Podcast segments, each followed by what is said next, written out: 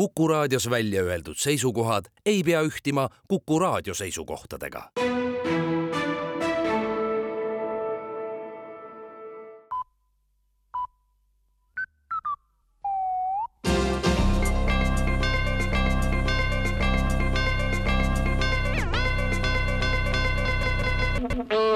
uudised on eetris ja stuudios Rohke Debelak valitsuse pressiteenistus teatab alandlikult, et valitsus on teinud viimase poole aasta jooksul edusammude kõrval ka vigu.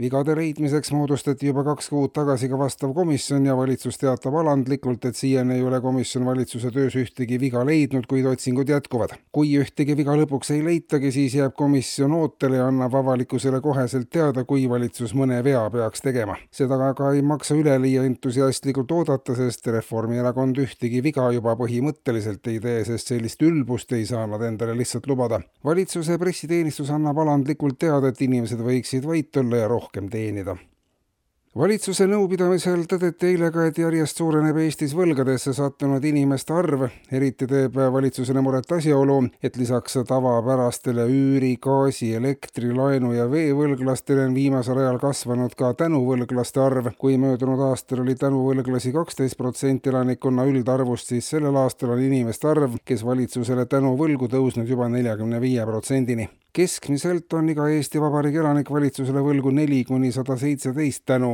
Nende hulgas ollakse võlgu sada kaksteist tuhat siirast tänu. kui tänuvõlglaste arv peaks veelgi kasvama, on valitsus sunnitud juba enne järgmist nädalat võlgade kättesaamiseks pöörduma inkassofirmade poole täna ilmub aga Riigi Teatajas ettevõtjatele mõeldud e-käsiraamat Tuhat ja üks põhjendus töötaja vallandamiseks. Praegu kulutavad väga paljud ettevõtjad olulise osa ajast mõtlemaks välja põhjendusi, kuidas töötajaid mitte koondada, vaid vallandada. Ja olenevalt kujutlusvõimest on sõiral kaks kuni neli mõtet ja siis on ideed otsas. Käsiraamat Tuhat ja üks võimalus töötaja vallandamiseks annab aga ettevõtjatele kriisis olulise tööriista ja võimaluse rasked ajad tulemuslikumalt üle elada ja tagada ettevõttele jätkusuutlikkus, märgivad käsiraamatu autorid ja poliitelust. EKRE annab täna hommikuse eriteatega edasi informatsiooni, et erakond astub Riigikogust välja. viimaste Riigikohtu otsuste valguses on erakonnalt võetud võimalused igasugusekski tulemuslikuks tööks. on esitatud elukaugeid tingimusi, et muudatusettepanekud näiteks peaksid olema sisulised ja kogu opositsiooni töö konstruktiivne. tõenäoliselt on lahenduseks alternatiivse Riigikogu loomine, mis pakuks praegusele liberaalsele Riigikogule vajalikku konkurentsi ja viiks nii Eesti elu edasi, märgib erakonna teade